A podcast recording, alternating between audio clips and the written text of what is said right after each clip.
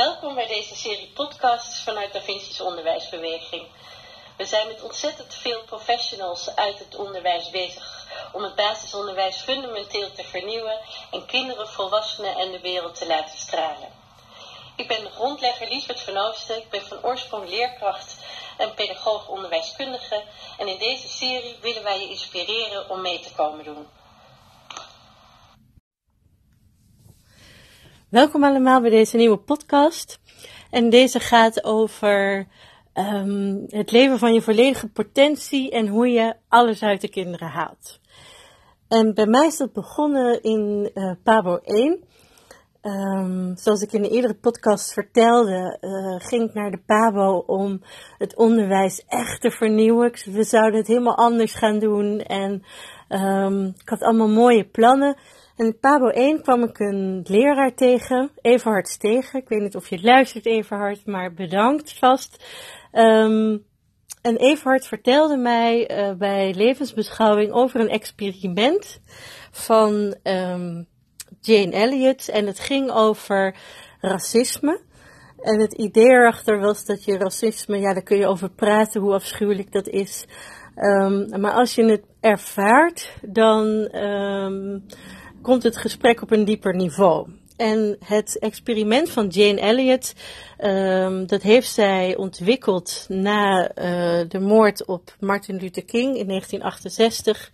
En het is het blauwe ogen, bruine ogen experiment. Het is een paar jaar geleden nog eens herhaald op de uh, publieke televisie hier in Nederland. Het experiment gaat als volgt. Um, je deelt de klas in in twee groepen. De kinderen met blauwe ogen en de kinderen met bruine ogen.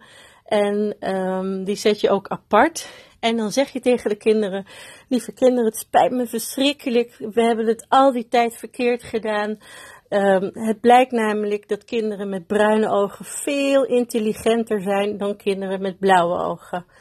En um, dus ik, ik heb jullie tekort gedaan. Zowel de kinderen met blauwe ogen, daar heb ik het veel te moeilijk voor gemaakt.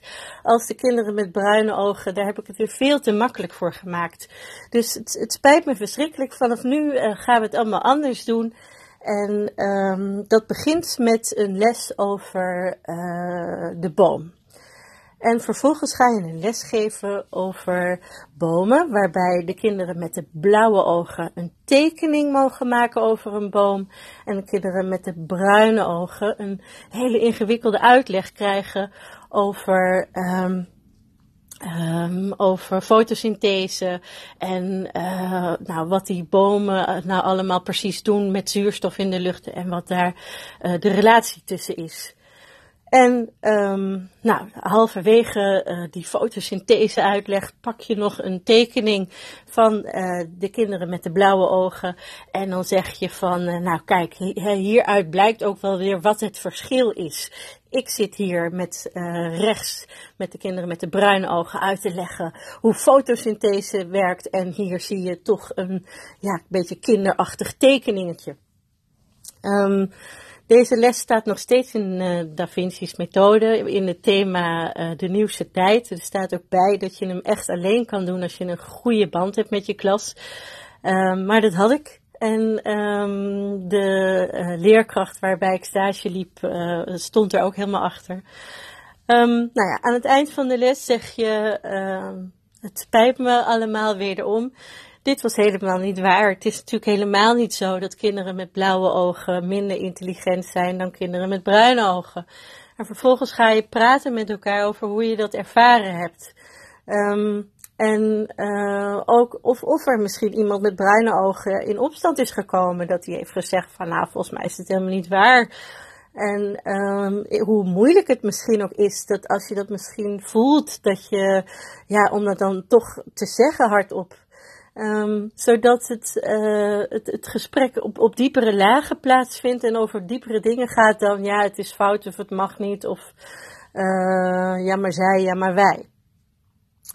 Um, vervolgens uh, draai je de zaken om. Mogen de kinderen met bruine ogen een tekening maken en de kinderen met blauwe ogen leg je nog eens uit hoe die fotosynthese werkt. Um, dat is een hele bijzondere les, maar wat mij eerlijk gezegd naast uh, het racisme gesprek heel erg positief verraste, was um, dat die kinderen allemaal die fotosynthese begrepen. Um, we krijgen heel vaak de opmerking, mensen die met onze methode werken, van uh, fotosynthese, uh, dat kreeg ik pas uh, in HAVO 3.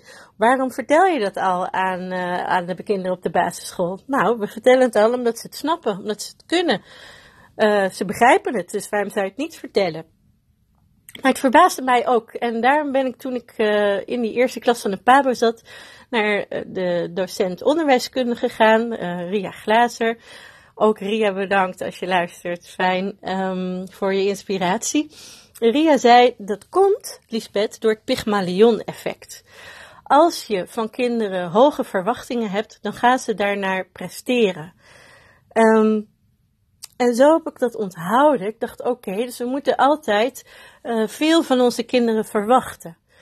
Maar ik wil ook niet dat um, we met z'n allen als een, als een gek gaan werken zonder dat er um, ontspanning is. Dus het is een, een, een balans vinden tussen de lat hoog leggen en um, ontspannen en uh, presteren en ontspannen. En ik heb gemerkt dat het het beste werkt als ik zelf ontspannen ben. Dus als ik voor um, uh, gek en onwijs door mijn leven aan het rennen ben, omdat ik nog uh, dat wil sporten en dat museum wil zien en die lezing wil bijwonen en ik wil nog uh, mijn 200 mails beantwoorden.